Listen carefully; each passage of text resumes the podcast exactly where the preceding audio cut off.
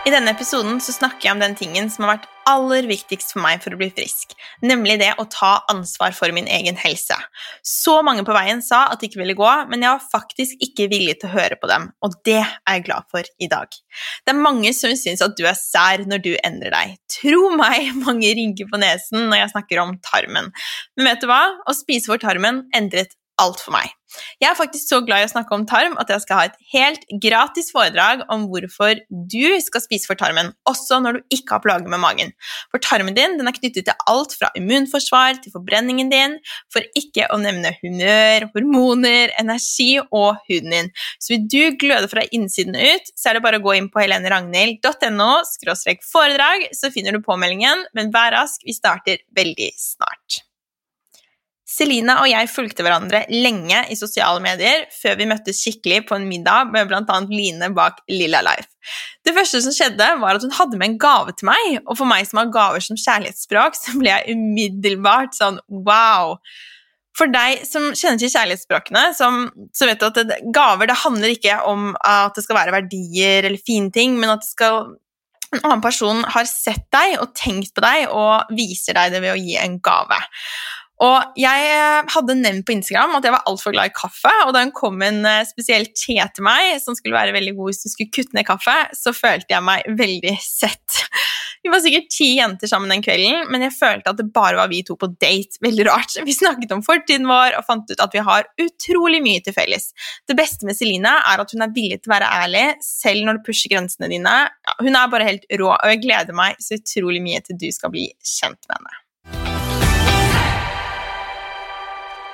Velkommen til Klar, ferdig, glød, Celine. Hvordan har du det i dag? Å, tusen takk. Takk for at jeg fikk være her. jeg har det faktisk veldig bra om dagen. Jeg, jo, jeg kan jo nevne det fort, for jeg har jo vært i et forhold i fire og et halvt år. Eh, og er liksom første gang for meg selv. Eh, sånn at eh, Det er liksom en veldig sånn spesiell tid for meg, men det er så spennende også. på en måte, Nå skal du liksom finne identiteten din på nytt igjen. Og liksom mm. finne hvem er Celine uten Uh, å være i et annet forhold. Da. Så det er, liksom, det er veldig spennende nå. Og liksom, nå har jeg flyttet for meg selv, og det er um, ja, morsomme tider. Ja. Oh, masse nytt som skjer. Jeg, sånn, jeg, elsker når det skjer nye ting, så jeg må liksom skape det i mitt, i mitt liv sjøl. Mm. Og det er så godt å høre, og veldig veldig takknemlig for at du er her i dag. Jeg vet jo at du er et menneske med en superinspirerende morgenrutine.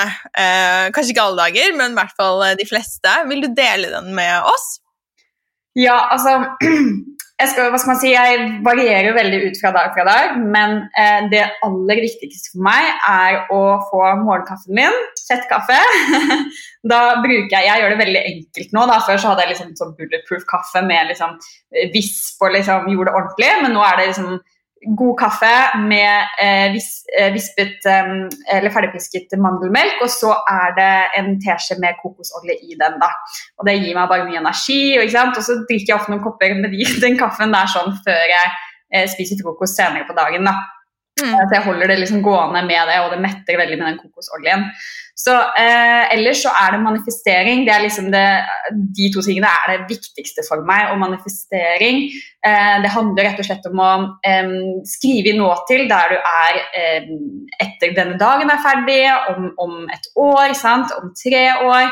Eh, og liksom målene dine. Sant? Dette her er viktig å liksom stille meg inn på det her. Hvis det er en dag hvor jeg føler meg dårlig eller ikke føler at jeg klarer noen ting, så må jeg jobbe med det. Da er det det jeg må sitte og skrive ned. Hva er det som liksom, Hvorfor er jeg bra, hvorfor er jeg unik? ikke sant? Og liksom booste meg selv da, før jeg starter dagen og før jeg går inn på mobil og mailer og alt dette her. da, Så det er superviktig, tenker jeg, altså å bare få en egentid for deg selv før du liksom gjør noen ting annet. da. Om det er en halvtime, om det er 15 minutter eller om det er en time, spiller egentlig ikke så mye rolle. da, Men det å få den tiden for deg selv og stille inn hodet ditt. da. Kjempebra. Jeg kjenner meg veldig igjen i det. Sånn som I dag så sto jeg opp med sånn helt feil fot etter virkelig liksom Lykke kom inn på morgenen, og så stilte hun meg sikkert sånn 50 spørsmål. sånn, Kan jeg få vann? Det var den koppen. Ha med seg fire bamser. Det var en hund oppi der. altså Det var bare mye som skjedde da. Og ingenting av det ting jeg ville. Og så liksom da, Hvis jeg hadde gått rett på og begynt å svare på mail, liksom, så da fått en litt sånn kritisk mail, eller et eller annet, så bare kan du liksom virkelig svare helt feil. Da. Så det er så viktig at du virkelig bare setter deg selv liksom i deg, og tenker også på hva du trenger den dagen. Det syns jeg er veldig fint du sier. Det handler ikke om at det skal være sånn Det må være alle disse elementene hver dag. For noen dager våkner man jo bare woho, liksom, er på topp. Mm. Det er, eh, det er kjempebra.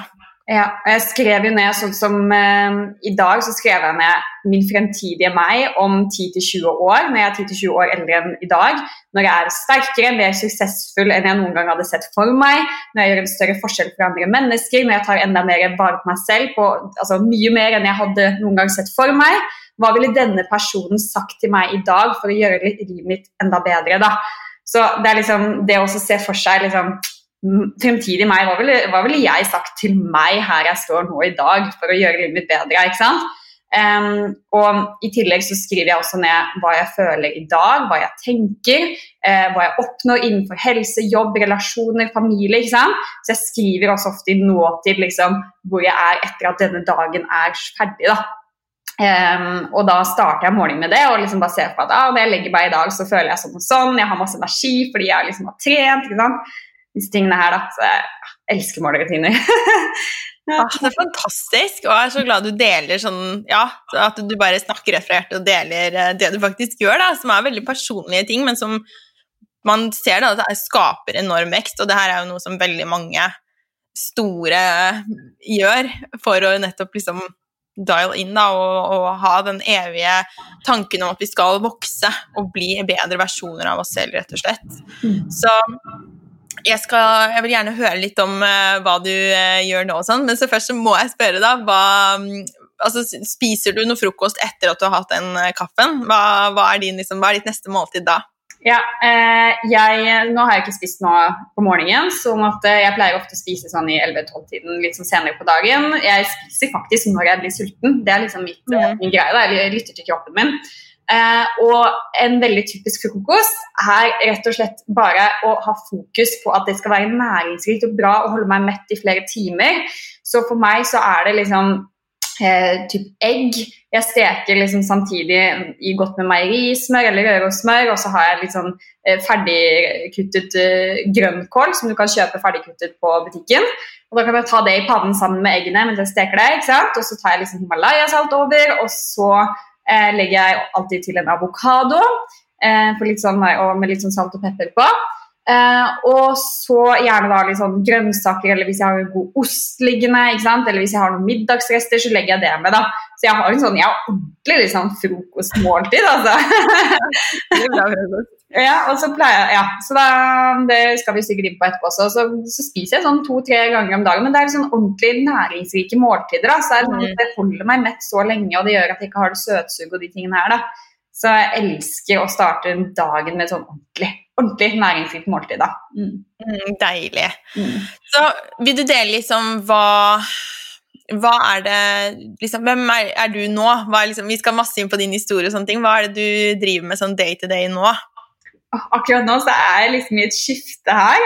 Um, uh, og jeg har ikke helt lansert det som kommer, men um, meg nå er vel uh, for det første jobber mye med meg selv og mine, mine følelser, rett og slett. Og det å, hvordan jeg har det med meg selv alene nå som jeg er typ singel. Uh, men i jobben så er det også jeg selger eteriske oljer, og da får de med et kurs når de kommer inn i um, oljegjengen vår. Så, så, det er liksom det jeg driver med, og da har jeg podkast og uh, Instagram og forskjellig hvor jeg deler ut av uh, der, da, og en blogg. Og så uh, skal jeg i gang nå med coaching, så det lanseres etter hvert fram til sommeren nå, så det blir kjempespennende. Um, så det er liksom, det her er min fulltidsjobb. da. Det er Kjempegøy om det å gjøre en uh, ordentlig forskjell for andre mennesker og ta bedre vare på seg selv og søvn og energi og kosthold og ja. Ja, det gjør du helt klart. Der, um, der er du veldig god. Du nevnte jo liksom med, med at du starter dagen med den fettkaffen og at du spiser denne frokosten, men tenker du da altså, Vil du si at du driver en periodisk faste? Um, på en måte, ja. Jeg trives veldig godt med periodisk faste, og jeg, jeg syns det er en veldig um, positivt for helsen vår. Da. Alt som jeg har lest om det, og uh, påvirkningen jeg ser det har på andre mennesker.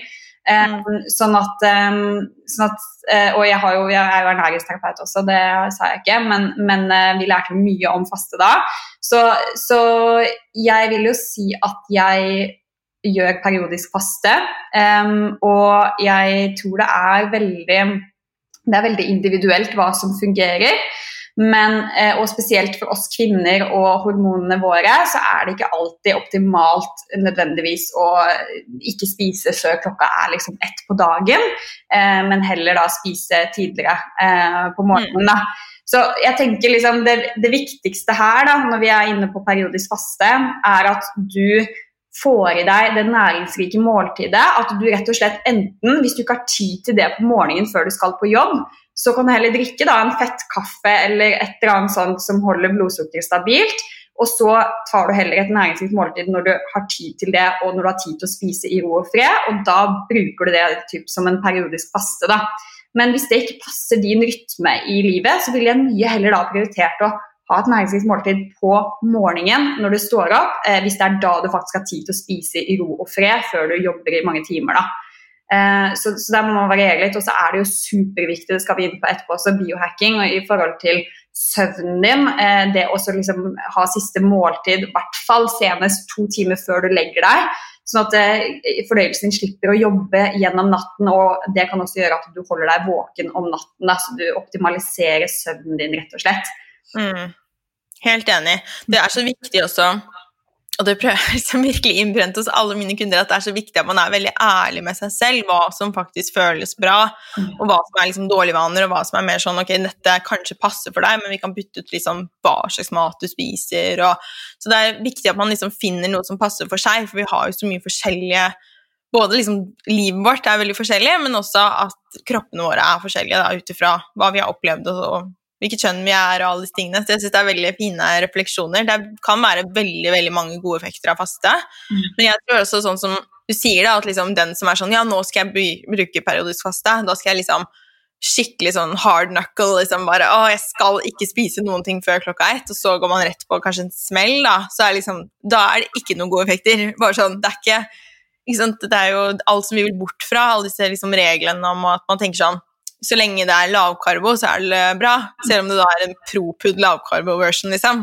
Den ikke gjør noe bra på helsa di. Mm. Så man må bare begynne å liksom løse opp litt da, i den der eh, man følger ting. Man må begynne å kjenne litt mer etter selv. Ja. Det er veldig fint. Mm. Og så tror jeg liksom Det som er litt viktig, da, er at eh, fordøyelsen din og kroppen din skal få lov til å slappe av litt. Eh, og det å faktisk eh, trene seg på å ikke gå og småsnackse hele tiden, for da er fordøyelsen i gang hele tiden, og så kan ikke fordøyelsen fokusere på andre ting som også er superviktig da, for at vi skal ha en god tarmhelse, blant annet. Eh, sånn at det å faktisk også øve seg på det at man liksom Ok, nå skal jeg ha fokus på liksom, Når jeg skal spise mat, skal det være ordentlig, skal jeg bli mett? og liksom, Sånn at det er noe som holder meg mett lenge. Og, og hvis jeg liksom kjenner at jeg er sulten, så spis heller et litt sånn ordentlig måltid eller ta en smoothie. Um, Istedenfor å gå småsnacks hele tiden. Da. Så der gjør du kroppen din og tarmen din en så god gjerning ved å um, gi dem de pausene da, gjennom dagen og natta. 100 Og jeg tror også mye av det kommer fra den der diettkulturen om at liksom man skal spise bare sånn noe bitte lite. Mm. Og så liksom, er man jo egentlig mer sulten. sånn at liksom når jeg ser når man kan tillate seg selv å spise større måltider, så blir man litt mer sånn Det er mange som er sånn Oi, spiser du så mye? jeg bare Ja, ja. Det gjør jeg. Det er ikke noe problem, det. Så, vi kjenner jo hverandre fra før, men jeg føler likevel at det er så mye av din historie som jeg ikke kjenner, så jeg vil gjerne høre liksom, Hvor startet alt det her for deg? Når var det du begynte å bli interessert i uh, å ta bedre vare på din helse? Uh, det var et par år tilbake. Uh, jeg, Da gikk jeg på sykepleierstudiet, så da var jeg 19 år, vel. Eh, og så, eh, når jeg begynte der, så var det vel Det som ofte skjer da med oss, er at vi pusher grensene våre over lang tid, gjerne over mange år, og så renner begeret over til slutt. da. Um, og da går det skikkelig på veggen. Da. Så det var det som skjedde med meg. Og uh, en av de største utfordringene var at jeg hadde et sinnssykt sånn flink pike-syndrom. Både på det sosiale, at jeg alltid skulle ha liksom, det var så mye mennesker og mye venner rundt. Jeg skulle liksom tilfredsstille alle. Og så i tillegg da studier, og jeg skulle gjøre det liksom aller best. Jeg skulle kunne alt. og når du går på universitetet, så er det sånn du må lære deg å strukturere ting, og jeg bare skulle lære alt på en gang. ikke sant? Sånn at det endte jo med at jeg fikk eh, angst, og da snakker vi liksom ordentlig angst, sånn at du får sånne uh, ordentlige angstanfall da, flere ganger daglig hvor du på en måte ikke klarer å Du mister helt, helt eh, kontroll over kroppen din og liksom pustevansker og alt dette her. Um, og så utmattelse eh, kom jo med dette, og jeg hadde paranoia. Så i Stavanger, da jeg bodde for meg selv første gang da også, Eh, ble jeg ekstremt paranoid. Jeg trodde at alle som ringte mobilen min, de skulle kidnappe meg. Og dette var menn som skulle kidnappe meg, og så var det da naboen. og Jeg trodde han liksom var en IS-soldat. Jeg planla rømningsveier eh, for å komme meg ut. Jeg venta på skrik om natten fra noen i bygget i studentblokken vår, liksom, og da skal jeg løpe ut. Det var sånn jeg så for meg masse sånne scenarioer hele tiden. Altså det, det, psykiske var jo absolutt ikke i balanse i det hele tatt. Eh, så det var en sånn eh, tid hvor jeg liksom ikke Der og da så skjønte jeg ikke egentlig hva som skjedde. Jeg skjønte ikke egentlig at jeg var syk, eh, men jeg bare gikk på en så stor smell at jeg til slutt måtte legge ned min pride om å liksom klare alt. Og så måtte jeg ringe foreldrene mine og gråte og si at jeg klarer ikke mer. liksom. Jeg, jeg, har ikke sovet på en uke, og jeg går opp om natten med musikk på ørene og prøver å ja, distrahere meg selv fra mine tanker og angsten og alt dette her. Og så er jeg bare sinnssykt sliten, da. Så det endte jo med at jeg avsluttet det studiet etter et halvt år. Veldig skuffet da over meg selv i tillegg. liksom bare, Oi, jeg klarer jo ingenting i livet. ikke sant? Det var den følelsen jeg satt med. da. Eh, og så kom jeg hjem, og da trodde jeg at alt skulle bli bra, men da eh, ble det jo utmattelsen enda verre, da, Så jeg ble jo liksom liggende på soverommet i mørket, og liksom, det var en kamp å komme seg til kjøkkenet. Um, og eh, da var det vel egentlig fra starten av veldig viktig for meg å ta ansvar for min egen helse. Jeg har vel egentlig vært opptatt av å alltid liksom ta ansvar for meg selv. da, sånn at jeg var litt sånn Shit, det her, det her må bort. Jeg kan ikke drive med dette her. Så det første jeg gjorde, var bare å eh, booke time med en coach, rett og slett. Eh, og så var jeg selvfølgelig hos legen, og sånne ting, og de var sånn Ja, du har angst, og du har, ja, vi tror du har ME. ikke sant? Og så var det sånn der, så gikk jeg til coachen, og jeg husker hun sa til meg at eh, Og jeg hadde så fokus på at ja, men de tror jeg har ME og liksom sånne ting. Og så husker jeg hun sa til meg Men Celine, hva er egentlig sykdom? Eh, så jeg bare Nei, jeg vet ikke. Så sier hun det er ubalanser i kroppen din. Uh, og det, det, var sånn, det var en nøkkel for meg, for da skjønte jeg at oh ja, ok, men da er det mest sannsynlig noe jeg gjør hver eneste dag. Uh, små ting som må justeres for å komme i balanse igjen. At det faktisk er mulig å komme i balanse igjen. Da. Så jeg startet reisen min, og så uh, kom jeg da inn på ernæringsterapistudiet og kostholdsveileder på Tunsberg eh, gjennom at jeg gjorde liksom, min egen research her. Eh, og da også var det en sånn eh, sinnssyk pride i meg. Da, og liksom det, å, det skal vi inn på etterpå i forhold til familie og venner. Og det å liksom, gjøre noe som er utenfor samfunnets mal, det var en veldig vanskelig greie. Så bare det å begynne det studiet var liksom en kamp i seg selv. Da. Eh, så begynte med det, gikk der i tre år, og så uh, begynte jeg for meg selv uh, med sosiale medier og startet Uperfekte piker og alt dette her. Og I løpet av disse årene så ble jeg jo veldig bra, og bare det å endre kostholdet mitt gjorde en så enormt stor forskjell da, for meg.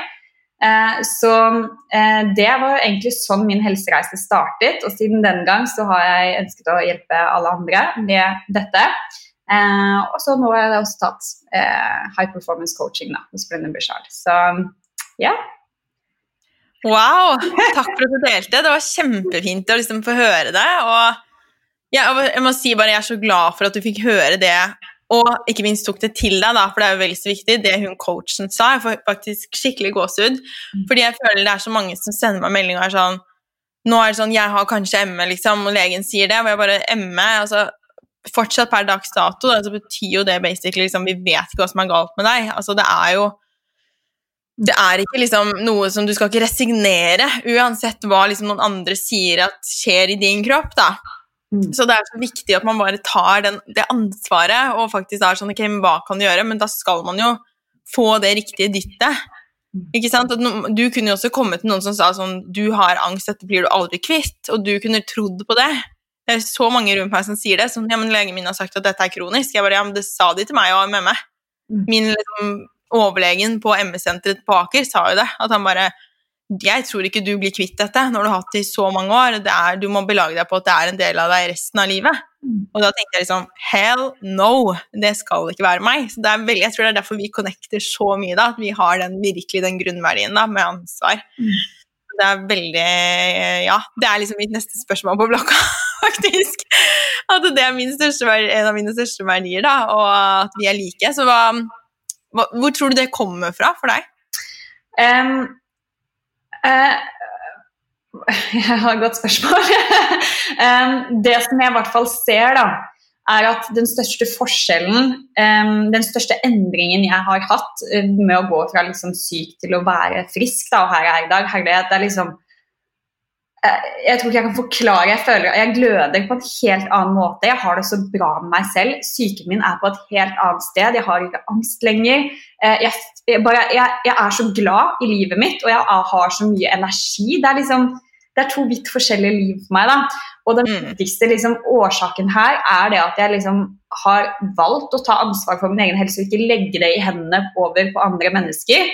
Eh, og bare si at her er mine issues, løs det for meg. Eh, vi har jo svarene aller best i oss selv. Da. Det er ingen som har de svarene bedre enn oss selv. Så for meg så var det én ting var jo det å faktisk ta ansvar og tørre å ha den ryggraden til å gå det studiet da, som jeg visste at ville gjøre en veldig forskjell for meg, og også noe som jeg fant ut etter hvert at det var det jeg ville drive med også. Um, uh, men for meg da, så var det veldig viktig å ha den coachen ved siden av meg, fordi jeg husker at hver gang jeg kom hjem fra coachingen og var sånn der, jeg vil jo gå ernæringsterapi, det er dette jeg vil gjøre, men det er ikke liksom godkjent i samfunnets mal. Kommer jeg hjem og skal fortelle dette, og alle liksom bare ler og bare nei, herlighet, slutt, liksom, slutt med det der. Og jeg, liksom, hver gang jeg skulle fortelle det, så begynte jeg bare å gråte. Jeg klarte ikke. Og da måtte jeg tilbake til coachen, jobbe med meg selv, få ryggraden igjen og komme tilbake igjen og bare Nei, men det er dette jeg skal gjøre. Og så kommer jeg dit, og så faller jeg helt sammen igjen og bare Nei, ok, men da skal jeg bare gå sykepleien, da. Da er det det livet mitt liksom skal være i fremtiden. Så det jeg tilbake igjen i coaching. Så jeg jobbet med hun coach hele tiden for å få den ryggraden, og til slutt så turte jeg å stå i meg selv for det jeg skulle gjøre. Um, i tillegg så var det noe med det å tørre å løsrive seg fra samfunnets mal. Løsrive seg fra liksom det A4-livet og det derre flink pike, Celine skal være perfekt på alle områder. Eh, det også var liksom noe som jeg måtte bare bestemme meg for. Og dette har gjort en så stor forskjell for meg, det å faktisk tørre å gå mine veier. Og det var en viktig årsak til at jeg hadde veldig lite energi og var utmattet, var rett og slett fordi at jeg levde et liv som jeg ikke trivdes i. Um, jeg menget meg med mennesker som kanskje dro meg mer ned enn opp, og jeg eh, studerte og hadde liksom en fremtid som jeg bare det knøyt seg i magen bare av å tenke på det. Var ikke noe spennende, det var ikke noe gøy, det var ikke noe som ga meg noen ting. Da. Så det å liksom gjøre altså noe som man elsker, da, det, det, er, åh, det er en så viktig nøkkel. Da. Eh, og det Mm. også gi slipp på da eh, eh, regler og normer. Sånn at det er en ting jeg gjerne vil nevne også, hvis jeg kan det. Eh, når jeg begynte med ernæringsterapi, og det som er veldig vanlig da, når du dypdykker inn i liksom dette her, denne her livsstilen her, sånn, så blir man obsesst på en måte i starten, og det gjør at man blir sånn herre Oi, du lærer om økologisk, og så plutselig så blir du redd for alt mulig annet, og nei, men den sjokoladen har sukker i seg, og så blir det skummelt, ikke sant? Og i den tiden, jeg husker når jeg endret kostholdet mitt, jeg endte opp på sykehus i Spania når jeg studerte kostholdsveileder og ble lagt inn og fikk hjertemedisin flere ganger i døgnet, som liksom 60-åringer egentlig får. ikke sant? Så, så, så en viktig årsak da var også fordi at jeg ble helt fanatisk. Um, og jeg spiste riktig mat. Jeg, jeg begynte med alt dette her, proteiner og fett og blodsukkervennlig og periodisk faste og disse tingene her sånn. Men jeg var liksom hele tiden stressa, hele tiden anspent, jeg måtte hele tiden planlegge ting. Og det, når jeg også klarte å gi slipp på det der, og bare la læringen min fordøye, og i tillegg ha den balansen med at alt er greit, liksom. Det er ikke krise. Altså, jeg kan spise den sjokoladen hvis jeg vil det, eh, men jeg skal bare ikke ha dårlig samvittighet eller stresse rundt noen ting av det jeg gjør. da. Og også være opptatt av å finne enkle løsninger. da. Så det er bare så viktig også, det å kunne gi slipp på liksom den der, Ja, den um, kontrollen der også, da. Når Ja. går inn i en Det er kjempeviktig. Jeg er helt enig i forhold til det at eh, det fins jo veldig mange som sier sånn 'Dette er måten å spise på. Det er bare denne måten.' Og jeg var også veldig der selv. Jeg fulgte liksom visse personer, og deres meninger var ganske like. Så var jeg litt stengt for andre typer meninger. Og så begynte jeg å åpne meg opp for litt mer forskjellig, og så f.eks. Liksom The Blue Zones Diet, for det er, sånn, det er så forskjellige dietter, men alle har det veldig bra og lever veldig lenge. Og det å åpne meg opp for at jeg tror veldig på den energien man legger i maten man spiser. Uh, og jeg hadde en sånn der, um, greie da jeg ammet og jeg ikke kunne få i meg noe som helst melk. Så tok jeg en gang feil kaffekopp, liksom Jonas sin hjemme og drakk en slurk. Da. Så kjente jeg sånn Jeg fikk i meg melk, og da var det akkurat sånn, liksom, jeg kjente at den melken liksom sildret ned i alle cellene liksom, mot liksom, melken min. da. Og bare ble sånn Og da bare tenkte jeg sånn Den reaksjonen her, den skaper jeg. Altså Ja, det ble jo melkeprotein i melken, og liksom hun kan reagere og sånne ting, men den der, at jeg kjente det var liksom sånn at det bare klødde i kroppen. ikke sant? Mm. Og det er sånn, så psyken henger så mye sammen, så du kan ikke gjøre bare det ene. Og det er jo så mange som går fra én, enten om det er spiseforstyrrelser eller perfeksjonisme, mm. over til det der at man liksom finner en ny ting å perfeksjonere. Og så er man sånn Å, se på meg, nå er jeg så sunn og driver med fitness, og jeg har ikke anoreksi lenger. Det er sånn mm. Nei da, du har ikke det. Så det er veldig, veldig fint at du, du tar med den delen av det, for det er så ja, det, er, det er utrolig viktig for å eh, begynne å lytte til kroppen din også, og hva som er riktig for akkurat deg. Det, det, er ingen som har samme kropp som deg. Absolutt ingen. Den er så unik fra alle andre, og du vil håndtere ting på en helt annen måte enn det andre vil. Så det også faktisk Ja, lær masse, ta til deg alt sammen, og så fordøyer du liksom den næringen, og så gir du slipp, og så begynner du å gå dine egne veier. Da. Eh, det, altså det, det, er en sånn frihet. Det, du, skal, du, skal, kunne dra på hytta om en time uten å tenke 'å, shit, men da må jeg planlegge mat', og hva skal jeg gjøre? Liksom, jeg må ha med meg sånn og sånn. ikke sant? Ja. Det er um, livet, da. ikke sant? Det, det, å være avslappet og balansert i livet. Det er en så viktig del av det å ha det bra med seg selv. da. Mm. Veldig. Men hvordan vil du si at maten du spiser i dag, har endret seg fra den du spiste da, når du først begynte med, med endringene? Oh, um, det har jo endret seg uh, veldig mye. Um, og jeg uh, Før så spiste jeg også sant, gluten og melk og sukker og liksom alt dette her sånn. Og jeg, i, igjen da, jeg gjør jo, eller gluten spiser jeg ikke nå, da, men jeg, men jeg er ikke fanatisk, liksom. Men jeg bare har lært meg hva som er ekte mat, da, og det er det viktigste. eh, og spiser ren mat fra bunnen av, som ikke er prosessert. og disse tingene her sånn. Så for meg så har det vært ekstremt viktig for å eh, fylle kroppen med næring. Bare, bare, for meg da, En forskjell når jeg var syk, var at Eh, jeg husker at neglene mine sprakk opp hele tiden. Jeg drev og blødde, altså jeg hadde plaster på fingrene mine hele tiden. Mm. Eh, og liksom håret mitt var bare sånn døds Altså sånn superduperslitt. Eh, og det vokste jo ikke, og huden min var så liksom dårlig. Så det er bare sånne ytre ting også som man kanskje ikke tenker på har en, en, en påvirkning med kostholdet å gjøre, som Eh, der liksom Oi, nå begynte neglene mine å vokse, de begynner å bli sterke. Huden min begynner faktisk å bli skikkelig fin og gløder nå. Og se at håret mitt blir bedre. liksom. Så det er sånne småting som det. Det har gjort en, en veldig stor forskjell for meg. da. Så, så, hva skal man si, jeg gløder jo mye mer nå enn jeg gjorde før. det gjør du, absolutt. Veldig. Men nå har du, eh, så det er liksom din på en måte matfilosofi, det at du skal spise mest mulig uprosessert. Vil du si det? Ja, altså eh, Det viktigste, da eh, Jeg har ikke noen dietter eller ja, noen regler i livet mitt, og det, det, er noe som jeg heller ikke på en måte eh, vil at andre skal ha, da, nødvendigvis. Mm. Men det viktigste er jo, og som har revolusjonert meg veldig mye, da, er å alltid ha med en god fettkilde. Mm, blodsukkeret. Ja, så blodsukkeret og hormonene dine. ikke sant? Så ja, Det kan være avokado, olivenolje, du har jo i egg også har du fettkilde. Så det er liksom alltid med i hvert fall én fettkilde eh, eller røre og smør. Og så har du da proteinkilde, det er kjempeviktig.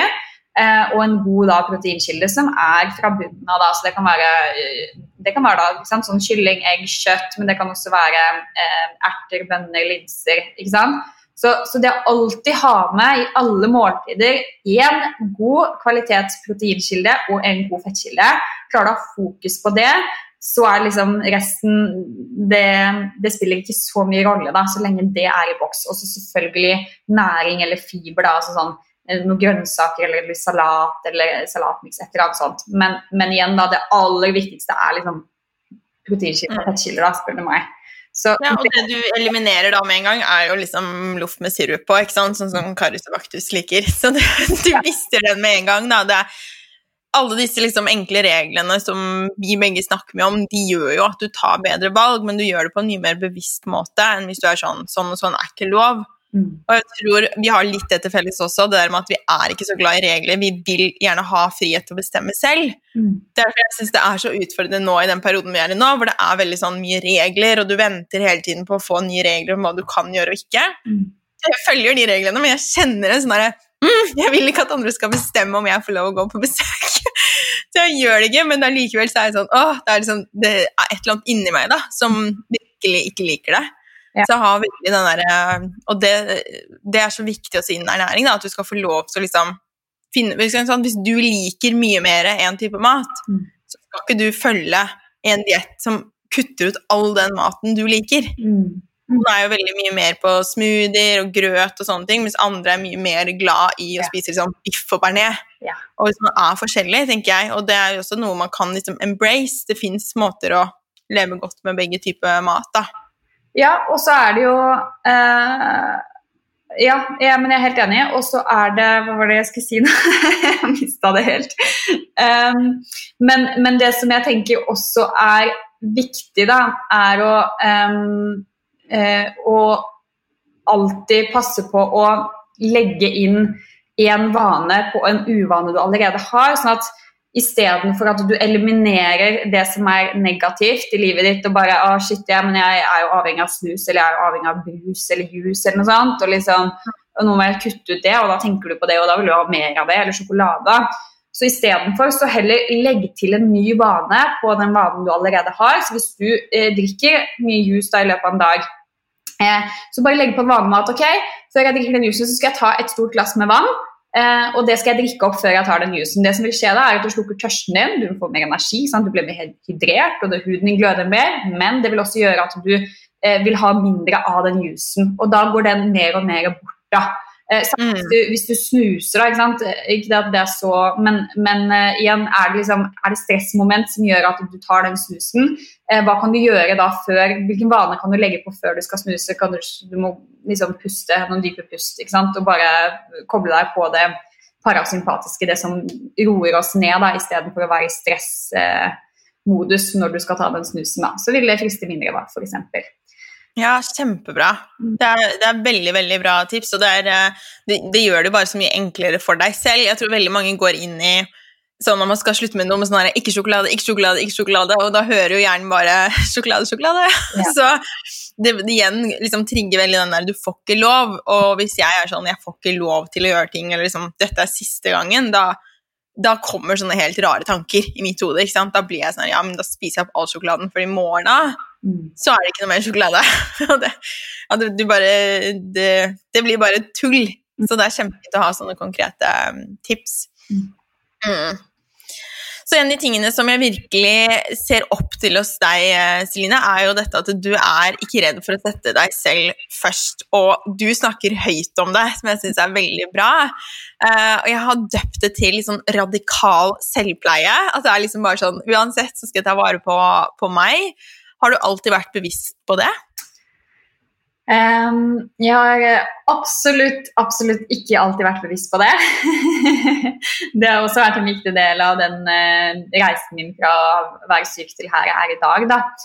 Uh, så det har rett og slett blitt viktig for meg å Én ting er mennesker man menger seg med. Jeg er ikke en sånn som er for å liksom, kutte ut relasjoner i livet og sånne ting.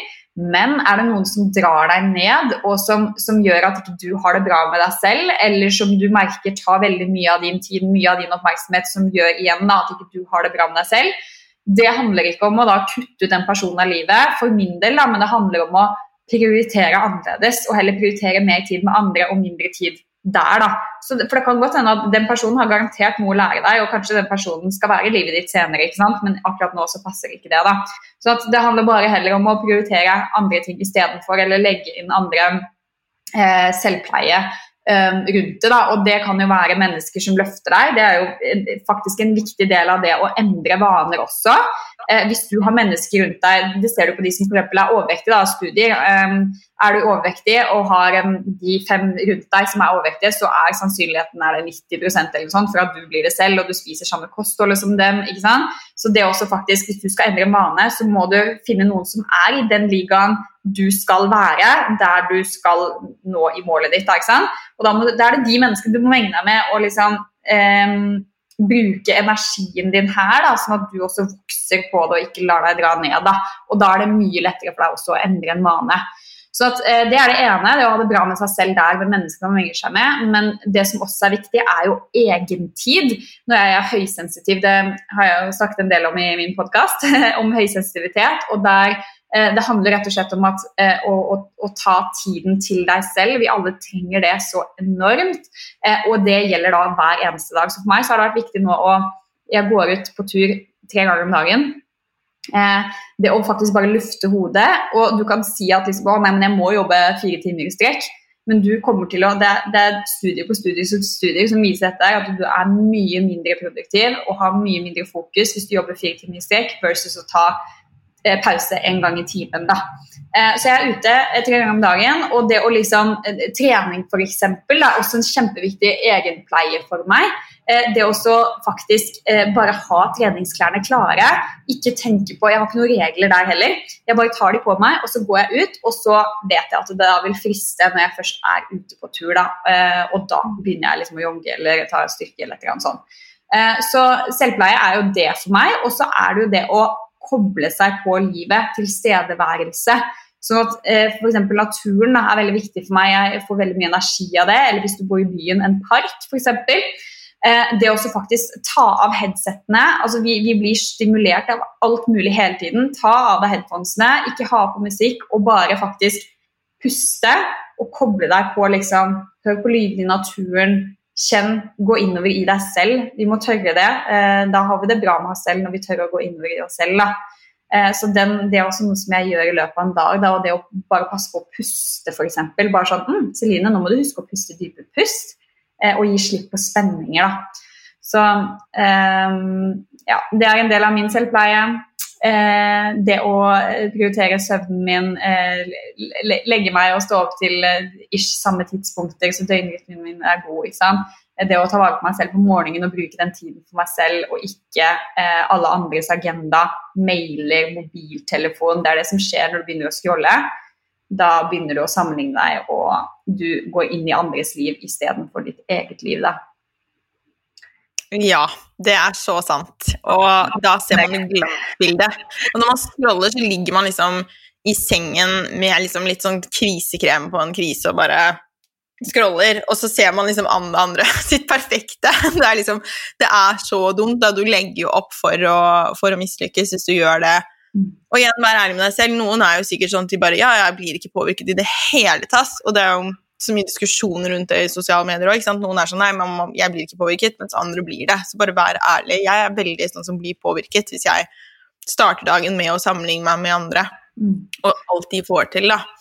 Så jeg er helt enig, og, og det var en stor aha for meg også å bli mamma, og, og det å liksom se at det er visse ting som er veldig viktige for meg for at jeg skal ha det bra. Og jeg er bare en så mye bedre mamma når de tingene er på plass. Og det er også det å f.eks.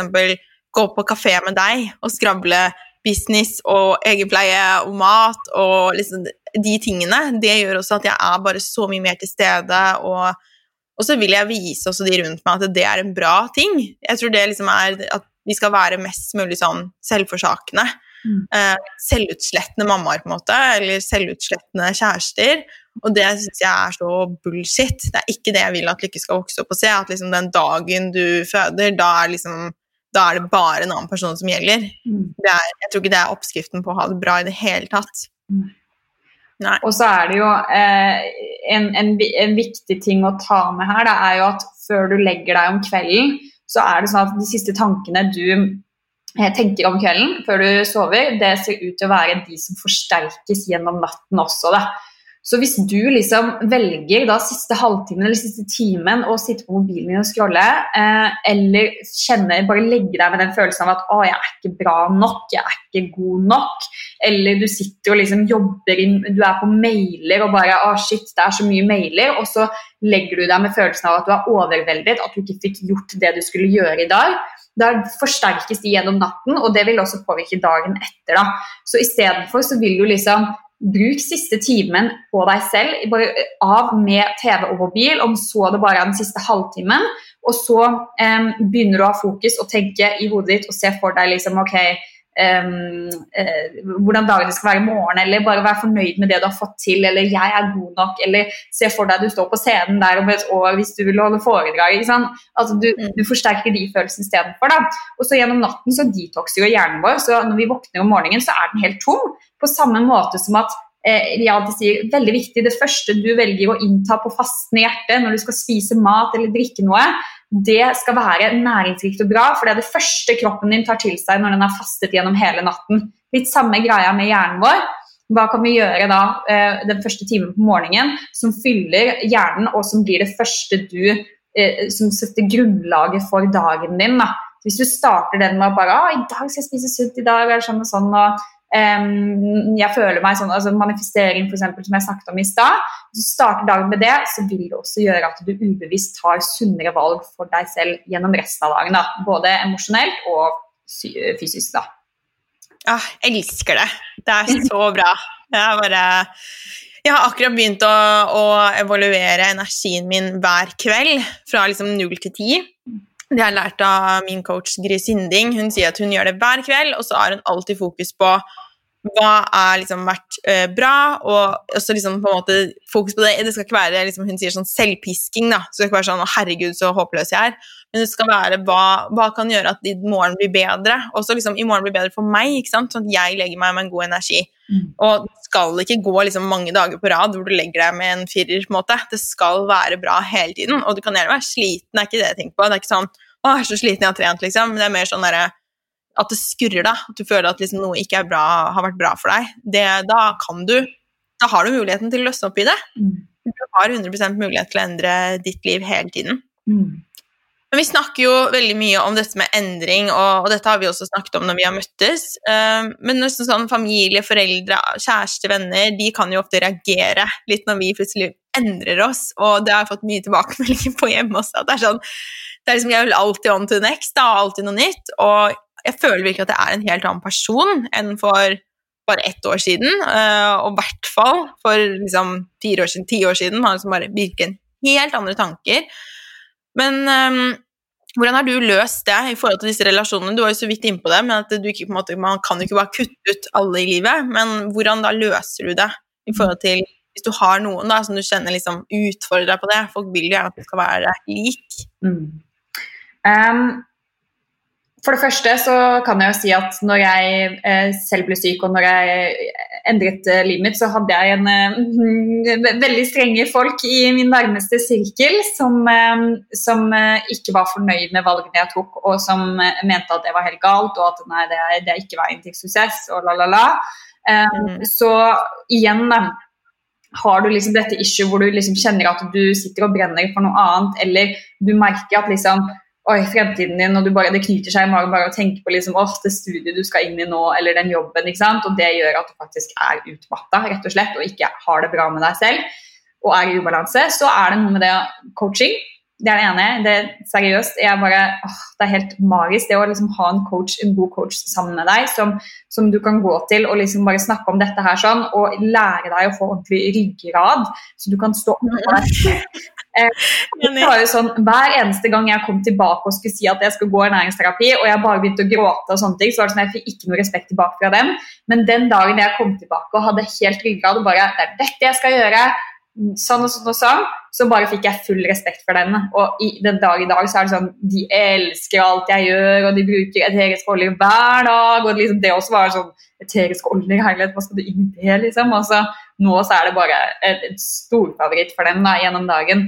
Så at um, viktig, det der. Og så er det jo noe med det å um, Igjen, da, som jeg sa i stad, det å prioritere uh, rett og slett tiden din og hva du setter inn i kalenderen din. Så man kan jo selvfølgelig også være ærlig hvis, det, hvis, du kjenner at nei, jeg kan ikke ha henne i livet mitt nå, og, og, jeg må kutte henne helt ut. Da kan man jo liksom sende en lang mail, men det er liksom ikke bare min måte å gjøre ting på. Da er det heller bare at jeg prioriterer annerledes og sier at jeg må prioritere meg selv og disse vennene her nå disse, disse tiden. Det er liksom tøft da, det også.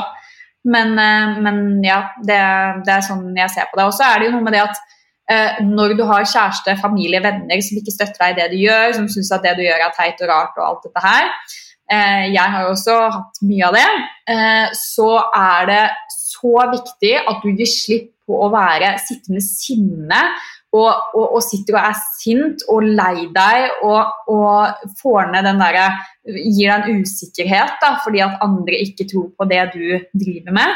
Istedenfor så er det noe med det å bare si til deg selv slipp, slipp, slipp, og så gir du slipp på de spenningene. Og så eh, er det det å forstå at den viktigste måten folk som er lukket på, eh, gjør en endring og åpner seg mer for den livsstilen du har, er at du lever den selv. Lever du egentlig den selv? Er det egentlig sånn at du liksom lever den livsstilen du ønsker å leve, og det du egentlig står for? ikke sant? Så vær, du skal være 'practice what you preach'. ikke sant? Vær et godt eksempel, og, og, de vil se at du stråler, de vil se at du har det bra. De legger merke til at du tar de kosttilskuddene og gjør sånn og sånn og sånn. Og så kommer det mer og mer, da, og så kan man en og annen gang si sånn du, hva tenker du om du, om du hadde tatt um, um, Begynt med bare en, en god fettkilde da, i den maten her. sånn, tenk, tenk, så mye, Tror du ikke du hadde fått mer energi av det? liksom, Når man stiller spørsmål istedenfor å bare angripe bare, å, du må gjøre sånn og sånn. Det er liksom ikke måten å gå fram på når folk er lukket. da. Nei, Absolutt, og det hadde jo ikke du heller altså, vi likt hvis folk liksom var sånn Ja, hva om du spiste litt sånn og sånn, eller mm jeg har jo ikke lyst til liksom, det, er, det er jo veldig personlige ting, og jeg, jeg tenker også helt sånn deg at enten så kan man på en måte fase ut hvis det er liksom øh, venner som, ikke, som, du kjenner bare liksom, ja, rett og slett ikke egentlig behandler deg bra. Når du begynner å bli mer kjent med dine verdier, og sånne ting, så, så ser man jo ting litt klarere. da. At liksom andre kanskje gjør ting som ikke du egentlig syns er greit. Mm. Da er det jo 100 lov til å også, Jeg føler at man kan på sånn energetisk liksom fase ut noen også. Det trenger ikke å være sånn at så du har liksom en forelder eller noen i nær familie som du ikke på en måte, du kan ikke bare liksom fjerne den personen. da. Mm. Uh, du, du, trenger ikke være sammen dem hele tiden, men da er det jo også noe med å på en måte gi litt slipp på den forventningen du har hatt til den relasjonen. Mm. Og være liksom, finne de tingene du egentlig har søkt i den hos andre. Mm. Så man trenger ikke liksom å være sånn 'Jeg skal aldri mer se den personen igjen', men mer liksom bare ja, slippe litt og så har jeg jobba mye med meg selv også med å være takknemlig for alle deler av en person. Og tenke at hvis du har eh, en, si, du har et søsken eller sånn da, som du liksom på en måte ofte blir trigget av, så tenker jeg sånn Ok, hva hvis liksom den personen, det har skjedd noe på den personen, da, hva ville jeg savnet? Hva er det jeg egentlig er takknemlig for? Mm. Og det er jo samme som hvis man blir veldig sliten av barna sine en periode, så er det også sånn Hva er det jeg er takknemlig for med barnet mitt? Mm. For da husker man eller kjæresten når man har det tøft og sånne ting. Er, da får jeg veldig ofte den der Ja, det er så mange ting jeg setter pris på, mm. og det er ingen som er perfekte. Men det handler jo egentlig bare om å bli mye mer bevisst på hvor mye energi du legger i å prøve å endre folk, tror jeg. Mm. Fordi vi kan jo være venninner og snakke om det her. Du trenger jo ikke å ha sånn at alle venninnene dine kan også være altså Hvis du har noen gamle venninner fra skolen som du bare Det er kjempehyggelig å treffes av og til på jentekveld. Så trenger du ikke å være sånn frustrert at ikke de vet hvem Brendan Bashar er. Mm. så dine venninner fra BI vet hvem det er. Og det kan du fortsatt ha det kjempehyggelig med de, men det er så viktig for meg også å ha venninner som er super into business, og jeg liksom kan skravle om sånne ting med. da. Mm. Det er, det er superviktig det du sier, det å ikke legge energien sin inn i å endre andre mennesker når de ikke er åpne for det selv. Seriøst, mm. den måtte jeg gi slipp på for å, for, for også komme i balanse selv. For i starten var jeg sånn Herlighet, men ser du ikke det? Hallo, er du dum, liksom? Ikke sant? Og så eh, satt jeg og hadde veldig mye sinne, og det var så frustrerende. og bare, Jeg ville jo endre, altså jeg ville endre dette mennesket, for det er liksom familien min, jeg elsker jo de, og jeg vil at de skal ha de bra, men det er sånn Seriøst, ikke bruk energien din på det. Bare practice what you preach, så blir de inspirert av det, og de blir mer åpne med tiden.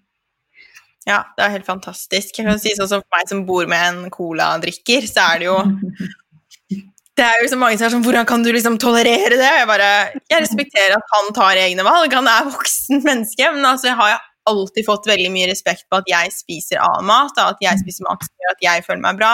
Og hadde jeg ikke fått respekt for det, så hadde det vært en deal-breaker for meg. Det er virkelig liksom en av mine på en måte, største verdier, er å ta vare på helsen min. Mm. Så det er bare er, Og da er det det, ikke sant? Det er gjensidig respekt. Ja. Og det handler også om å liksom Si du skal gå for en jobb, da, som handler bare Du kan ikke slutte som uh, som denne liksom, yrket, og så begynne på noe helt nytt. Eller liksom, det, det kan du ikke gjøre. ikke sant? Så være litt sånn Ja, men det skal jeg, og du trenger jo ikke å Du bare ta på deg skylappene og jobb liksom for din drøm, så er det ikke så farlig hva alle andre egentlig tenker, da. Mm. Mm.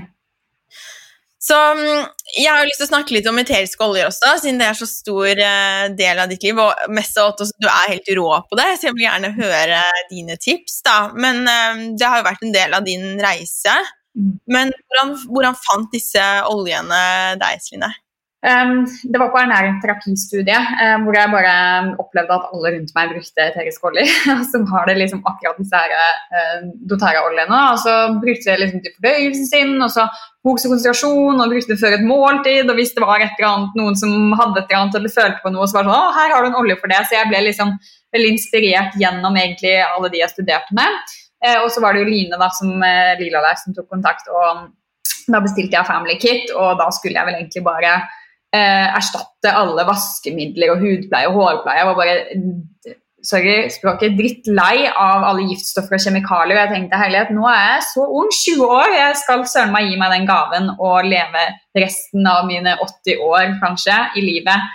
Um, mye mer rent og naturlig og unngå alle disse kjemikaliene og sånt, som egentlig er så lett å unngå. Da. Så jeg bare erstattet alt det med eteriske oljer.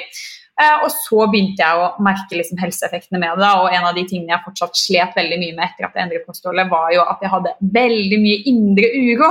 Alltid høy Mm. puls. Jeg var liksom fortsatt der at liksom, uff, bare det å sitte for seg selv uten TV eller noen forstyrrelser, da fikk jeg en sånn ordentlig uro inni meg. da. Og da husker jeg liksom mitt første liksom, møte med oljene som jeg da luktet inn og hadde i diffuseren. Lavendel og villappelsin var det blant annet. Hvor jeg bare kjente en sånn ordentlig ro inni meg. Og det var liksom, det var starten. Da begynte jeg å lese om helseegenskapene til oljene også. da. Eh, og nå så bruker jeg jo de hver dag, da, men igjen, dette her har ikke vært løsningen. Det er bare med på å forsterke det jeg allerede jobber med. Hvis jeg jobber med å få en dypere søvn, så bruker jeg da eteriske oljer i tillegg til å støtte den roen og den søvnen, da. Mm. Mm. Ja, det er et kjempefint verktøy. Det er jo akkurat som smoothie, det er et verktøy. Det er jo ikke sånn at Hvis du liksom endrer, endrer til å drikke smoothie, så bare Oh my god, no problems! liksom. Bare Alt bare Alt flyr min vei. Det er jo alle disse forskjellige aspektene. Så det er, um, det, ja, Jeg er helt enig. Jeg syns også det er kjempedeilig rett og slett, å ha den verktøykassa. Ja. Det var jo på et foredrag Ja, det er liksom selvpleie. Og så er det ikke, det er ikke snakk om å liksom eh, det, altså det her er ikke sånn at det endrer deg og liksom bare er løsningen, liksom. Men det er bare et verktøy, som du sier, og er med på å forsterke det du allerede jobber med. da. Mm. Mhm. Jeg var jo på et foredrag med deg um, også sammen med, med Line, hvor du snakket om eh, hvordan disse oljene har påvirket psyken din, og hvordan du bruker dem til å for, måte, forsterke den liksom, tilstanden eller Mm. liksom, få opp den som du vil ha. Um, men hvilke, altså, hvordan har det seg? Kan ikke du forklare den eh, koblingen? Eh, jo, det jo, høres jo veldig rart ut. Det- Det at eh, oljene kan eh, påvirke følelsene våre, er vel kanskje det siste jeg begynte å lese på, for det var liksom herlighet. Det, så teit, liksom. Jeg brukte det bare sånn fysisk på kroppen min og på huden og sånne ting. Øh, men det som er greia er at når du tar en dråpe med Teres bolle i håndflaten din, så er det massevis, hundrevis av bitte, bitte små molekyler i den dråpen. Eh, og hvis du gnir da hendene sammen, og så skal du lukte inn noen dype pust, Eh, Det som skjer er at disse molekylene er flyktige. så de er sånn, Så fort det kommer i din håndflate, så sprer de seg ut i luften. Eh, og så er det noen av de da, som når du lukter inn, som fanges av olfaktoriske celler i nesehulen din og sendes bak til det limbiske systemet i hjernen. da, kan gjøre det. Og limbiske systemet, der ligger jo følelser, minner, ja, disse tingene her. Så at da, da er de med, kan de være med på å påvirke også det psykiske følelsene våre. Men igjen, bare, ikke løsningen selvfølgelig, men er med på å eh, støtte det da, sammen med en helhet her. Så det jeg liker å bruke, da, er liksom sånn når jeg kjenner at jeg er liksom nedstemt, føler meg ikke bra, så liker jeg å bruke f.eks. villappelsin eller limeolje. Og bare ta en dråpe i håndflaten og lukte inn hvert fall fire dype pust. Hvis jeg har liksom følelser som jeg ikke vet helt hvor kommer fra, eller bare eh, har noen sånne derre et eller annet i meg, eller jeg kjenner at jeg er overveldet, f.eks., så er det Send Sengest eller Digest-oljen. ikke sant? Så jeg har en bok som heter 'Emotions and Essential Oils'. og Der, kan du liksom, der er det et enkelt oppslagsverk på alle følelser du kjenner på, og hvilke oljer som er med på å støtte de forskjellige. da bruker jeg det diffuser og gjerne gjennom lukta. Altså det er luktesansen også du spesifikt påvirker følelsene dine da, gjennom lukt gjennom nesen. Da. Så er diffuser og i håndflaten som er liksom det som går i det. Mm. Mm. Det er fascinerende hvordan kroppen fungerer. Men mm. jeg vet i hvert fall for meg at jeg har opplevd liksom, hvis du lukter på en gammel parfyme mm. at det er jo sånn du bare, Å, herregud, liksom. Det er jo ungdomsskolen med en gang, liksom, og rolig dans og bare Ja. Så kommer jo rett inn på sånne gamle minner. Så, eller, du lukter Jeg husker en gang eh, Jonna begynte å bruke en eller annen, og jeg bare var sånn Den kan du ikke bruke, for det minner meg om en gammel kjæreste, liksom. Det bare ikke lukten, er du snill. Så det er veldig rart det der, hvordan man liksom Det er veldig sånn Du går rett i de følelsene. Mm. Så um, jeg tipper mange har kjent på det. Jeg synes det er veldig, det er veldig, veldig spennende. Og det er jo det limbiske systemet, så det er jo, det er jo Der ligger jo minner, da. Eh, og mm. da er det jo minner også tilbake i tiden. Mm. Mm, ja, det er kjempe, kjempespennende. Mm. Så, hva slags, hva, hva slags, andre ting bruker du oljer til? Um, jeg bruker det veldig mye i uh, som altså, type parfyme, samtidig som jeg bruker det til fokus og konsentrasjon og produktivitet gjennom dagen. Det er liksom noe av det jeg bruker det aller mest til. Og så er det jo eh, luftveier, trening, der bruker jeg bl.a. peppermynte. Rosmarinolje er en favoritt. Den bruker jeg gjennom dagen. Før slet jeg veldig mye med hjernetåke. Og da var rosmarin liksom min go to-olje hele dagen. Så det har jo blitt en viktig favoritt. Nå er jo hjernetåken borte. Bank i bordet. Så jeg er veldig glad for det. Eh, og så er det veldig viktig for meg å bruke eteriske oljer Altså, jeg, jeg bruker så mye, det er jo, jeg kan jo snakke evigheter, men eh, på kvelden spesielt, i hvert fall første time, siste timen før jeg legger meg, eller siste to timene, å ta på diffuseren med en eller annen lavendel, frankincense, serenity-olje, en eller annen olje, olje som, som er med på å støtte søvn og ro. Fordi det er superviktig at du ikke Du skal ikke gå og legge deg og ha bare vært på fulker fra du går inn døra på soverommet. Du skal liksom legge deg og være Gå rolig og liksom bare åh, Når du legger deg i senga, så er du allerede rolig og klar for å sove. Hvis ikke så tar det jo tid før du sovner, og du får nødvendigvis ikke den optimale søvnen da, hvor du er inne i den dype rem-søvnen, som vi kaller det. Så, så, det er superviktig for meg, det å ha den diffuseren på før jeg legger meg også. da. Så bruker jeg jo den Diffuseren bruker jeg hele tiden. Jeg renser jo luften. Nå har vi flytta og bare å, nå skal jeg ha sitrusolje og bare få skikkelig sånn fresh luft, eh, luft, her. og sånn God energi, da. Det er det jeg liker å bruke oljene til der.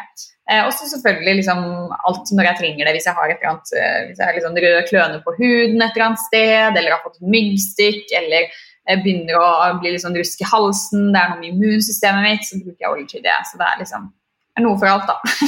ja, det er skikkelig verktøykasse, rett og slett, og, og veldig spennende. Mm. Um, vi må jo snakke litt om biohacking også. Du og jeg er jo fascinert av det, syns det er gøy. Uh, hva er egentlig biohacking? Uh, det handler jo om å være den beste utgaven av deg selv, rett og slett. Så i teorien så går det ut på at du skal uh, prøve å hacke kroppens biologi ut ifra en tanke om at du er hva du spiser. Du er, altså, du er hva du spiser, tenker og gjør. Så resultatet er jo da en bedre versjon av deg selv. Da. Eh, så det, er liksom, det handler om å optimalisere områdene i livet ditt. Da. Um, helse, eh, relasjoner, produktivitet, hjernen din så det, så det, er liksom det vi gjør. Så en av tingene er jo f.eks. det å isbade. da. Jeg gjør jo dette her sånn, så jeg bader jo nå på vinteren. Jeg skal bade i morgen faktisk med en kompis. Så vi skal bade på morgenen på lørdag. Eh, og da gjør vi det nede på Tjuvholmen. Der er det fortsatt ikke kommet is på vannet, så det er greit. Eh, og isbading er jo en superfin biohacking. Det er jo da supert for å dempe betennelser. Der ligger det jo masse studier på. Men for meg så handler det mer om det at jeg føler meg så fresh etterpå. Jeg føler at jeg har hatt en tre timers treningsøkt når jeg har gått ute i et så kaldt bad. Eh, spesielt når du går uti og klarer å puste rolig mens du også er uti. da. Eh, og du trener også hjernen din til å gjennomføre noe som er ukomfortabelt for deg. Og det syns jeg kanskje er mest gøy. Det å også faktisk gå utenfor komfortsonen din og trene opp hjernen din til at du klarer å gå utenfor komfortsonen din, og du klarer også å gjennomføre det. da. Og da skaper vi resultater. Og det vil også påvirke jobben din og livet ditt. ikke sant? Tør du å liksom gå utenfor samfunnets mal? Tør du å følge drømmen din? Sant? Så da er isbading en av de tingene. Så et eksempel på biohacking. da. Um, og en ting jeg pleier å gjøre også, er jo det for å spise siste måltid senest uh, tre timer før jeg legger meg. De andre pleier å si i hvert fall senest to timer før du legger deg. da. Det er ikke alle som er trives med tre timer før. Men det også handler om biohacking rett og slett for å eh, forsterke søvnen din, for å optimalisere søvnen din og um, ja, ha da energioverskudd når du våkner i morgen. da. Uh, ja. Ja, det er kjempespennende. Jeg tenker sånn, Alt sånn som du sa, liksom, fettkaffen din er jo biohacking. Mm.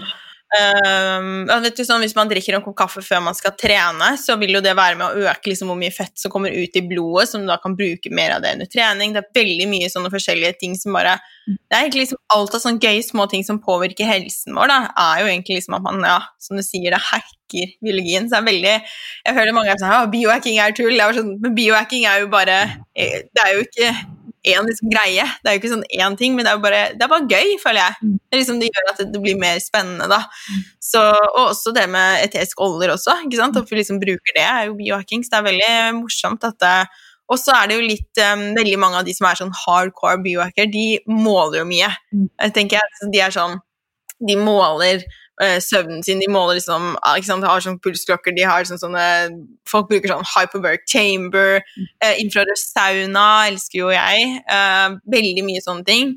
Og så er de sånn Å, det er liksom temperinflammasjon, da putter jeg det inn i min rutine. Da. Så det er veldig morsomt å, å, følge folk som er veldig på det. Jeg syns jo noen ganger de kan bli litt way too much. Jeg, sånn, jeg hadde ikke orket at hele livet mitt var liksom biohacking. Mm. Men det er veldig plukke opp sånne små ting da, som, kan, uh, som kan være bra for deg. Og Badstue og Infrager badstue er jo så super. De har også tatt mye av det faktisk ned bak i bygget der. der det var han som klippekort, tror jeg også, faktisk der, mm. uh, for å få det bra. da. Og så er det jo døgnrytmen din. Det, det er en viktig biohacking for meg. da mm. og faktisk eh, optimalisere søvnen din ved å skape eh, eh, søvn- og stresshormonene dine i balanse. Da. Og ved å gjøre det handler rett og slett om at, å følge kroppens rytme. Så mm. det viktigste der er at du har et ca. klokkeslett du legger deg hver kveld, og ca. klokkeslett du står opp hver kveld, istedenfor å variere med de hele tiden. Fordi kroppen bruker tid for å komme i balanse igjen. Og søvnhormonene våre og stresshormonene dine våre de balanserer hverandre. sånn at når du liksom står opp om morgenen eh, til forskjellige tidspunkt, så vil liksom stresshormonene dine være på et annet sted enn de egentlig skal. For de har balansert seg til et tidspunkt du har satt tidligere. Så det å klare å liksom balansere dette her, det vil også optimalisere søvnen din så mye og gjøre at faktisk søvnhormonet ditt melatonin produseres og er høyt om kvelden og da om natten når du skal legge deg. Hvis du klarer å legge deg og stå opp til ca. samme tidspunkt. Det er liksom en av de viktigste tingene jeg tenker hvis du sliter med søvn. Start med å legge deg og stå opp samme tidspunkt ish. Og gjør dette her i hvert fall tre uker før du virkelig kjenner en forandring. da. For mm. det tar tid før kroppens hormoner kommer i balanse. da. Ordentlig næringsrike måltider versus mange små og tullete måltider. Det er en viktig biohacking for meg. Eh, det er tre kosttilskudd som jeg tar som jeg også liksom anbefaler på det varmeste. Eh, som jeg faktisk tør å anbefale til andre også. Og det er leverkapsler, eller det å spise lever. Og så er det omega-3 og magnesium. da. Det er liksom de tre. Um, og så er det det å ta pause uh, hvert 60 minutter når jeg sitter og jobber, og rett og slett bare strekke på meg selv, puste, smile litt og bare være koblet på meg selv før jeg går tilbake til jobb. da. Um, også den der meditasjonen, det der å gi slipp rett og slett gjennom dagen. Når du kjenner at du har spenninger, når du kjenner at du har stress eller når du kjenner at du er sint på noen, så før du går inn i en ny situasjon, så si til deg selv gi slipp, gi slipp, gi slipp, gi slipp, mens du puster dype pust. da. Det var mm. raskt noen eh, hacks fra meg. ja, det, er, det, her er så verdifullt, liksom. Det her føler jeg bare er sånn bang, bang, bang, bang, bang. Så mange ting man kan gjøre for å føle seg bedre. Mm. Og bare, ja, bli sin eh, beste versjon. Det er kjempe, kjempekult, Line. Jeg vil, eh, til slutt vil jeg høre, hva er det som får deg til å gløde? Oh, eh, vet du hva? Eh, noe av det viktigste er faktisk eh, å komme meg ut i frisk luft og være i skogen. Og da også ha tilstedeværelse med meg selv. rett og slett, og Bare puste noen dype pust, smile og bare ah, livet er bra, liksom. Og se rundt meg og kjenne på den naturen da, som energien som skogen gir oss. Eh, så det, her, det gir meg mye energi. Og så er det det å faktisk eh, også trene, jogge. Jogge turer uten å ha noen regler på det, men bare gå ut, ta på meg treningsklær, jogge og så ha musikk på ørene. Det får meg seriøst til å gløde. Jeg blir så glad av det, og da drømmer jeg meg bort i alt mulig rart. og liksom, Jeg kan, jeg kan jogge, og så jogger jeg mens jeg står og smiler. Folk bare ser rart på meg. Jeg bare jogger og så ler jeg litt for meg selv og sånt. da. Deilig. Uh, ja, og så er det det å faktisk gå inn og være investert og være leken, levende, le masse når du er rundt mennesker, når du er rundt andre. Uh, det har blitt sånn sinnssykt viktig for meg, og har liksom, det har sluppet veldig fritt etter at jeg også ble uh, for meg selv nå, altså singel. At det liksom det å faktisk gå inn med venner og bare ha det skikkelig bra og le litt ekstra, liksom. Du kan alltid le litt ekstra og ha det litt ekstra gøy, da. Så, så det, bare, det, får meg til Seriøst, disse tingene er så viktige for å ha det bra. Da. Eh, jobben min, det at jeg, når jeg kjenner at jeg virkelig gjør en forskjell for andre mennesker, det får meg til å gløde. Og igjen, det er så viktig å gjøre ting du elsker i livet ditt, og ikke gå på en sånn A4-motor bare fordi alle andre mener at det er riktig for deg. Um, det å tørre å tenke stort, det å tørre å tenke utenfor boksen og kjøre på selv om samfunnet smalt praktisk talt sier at det er umulig for deg å gjøre så gjør det likevel, liksom. Du, du har det inni deg. eh, så det har vært en viktig nøkkel for meg. Nøkkel for meg um, det å rett og slett bryte samfunnets mal og følge mitt eget hjerte. da, eh, Og tørre å stå i det også.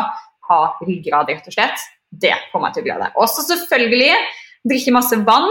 Starte morgenen med et stort glass vann og også fylle da en flaske. Jeg har en glassflaske som jeg fyller og som jeg passer på å ha påfylt gjennom hele dagen. sånn at det er alltid tilgjengelig når jeg kjenner at jeg blir tørst, istedenfor å drikke fordi du bare Oi, shit, nå har jeg glemt å drikke, og så prøver du å drikke masse på en gang.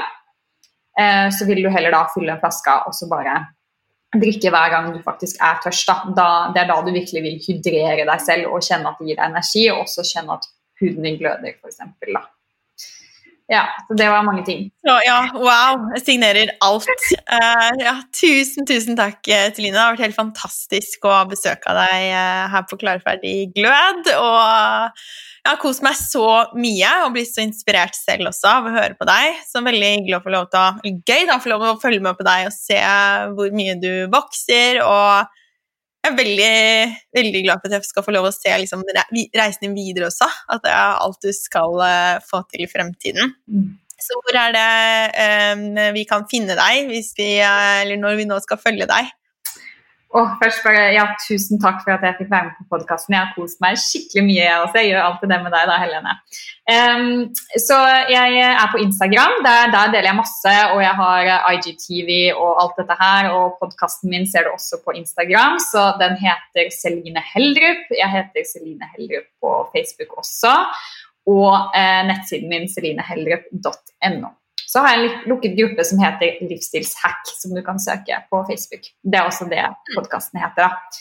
Det er der du kan finne meg, og masse, eh, masse, deler masse på Instagram. Da. Så ja. Veldig gøy å følge, og du gir veldig mye god verdi. Tusen takk for at du eh, var med. Jeg eh, gleder meg veldig mye til vi kan ses igjen snart også. Ja, takk for at jeg fikk være med.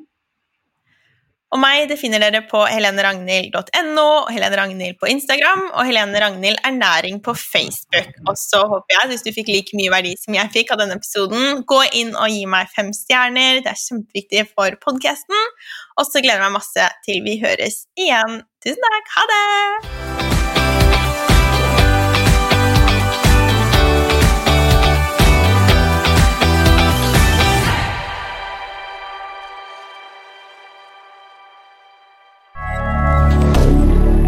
Moderne media.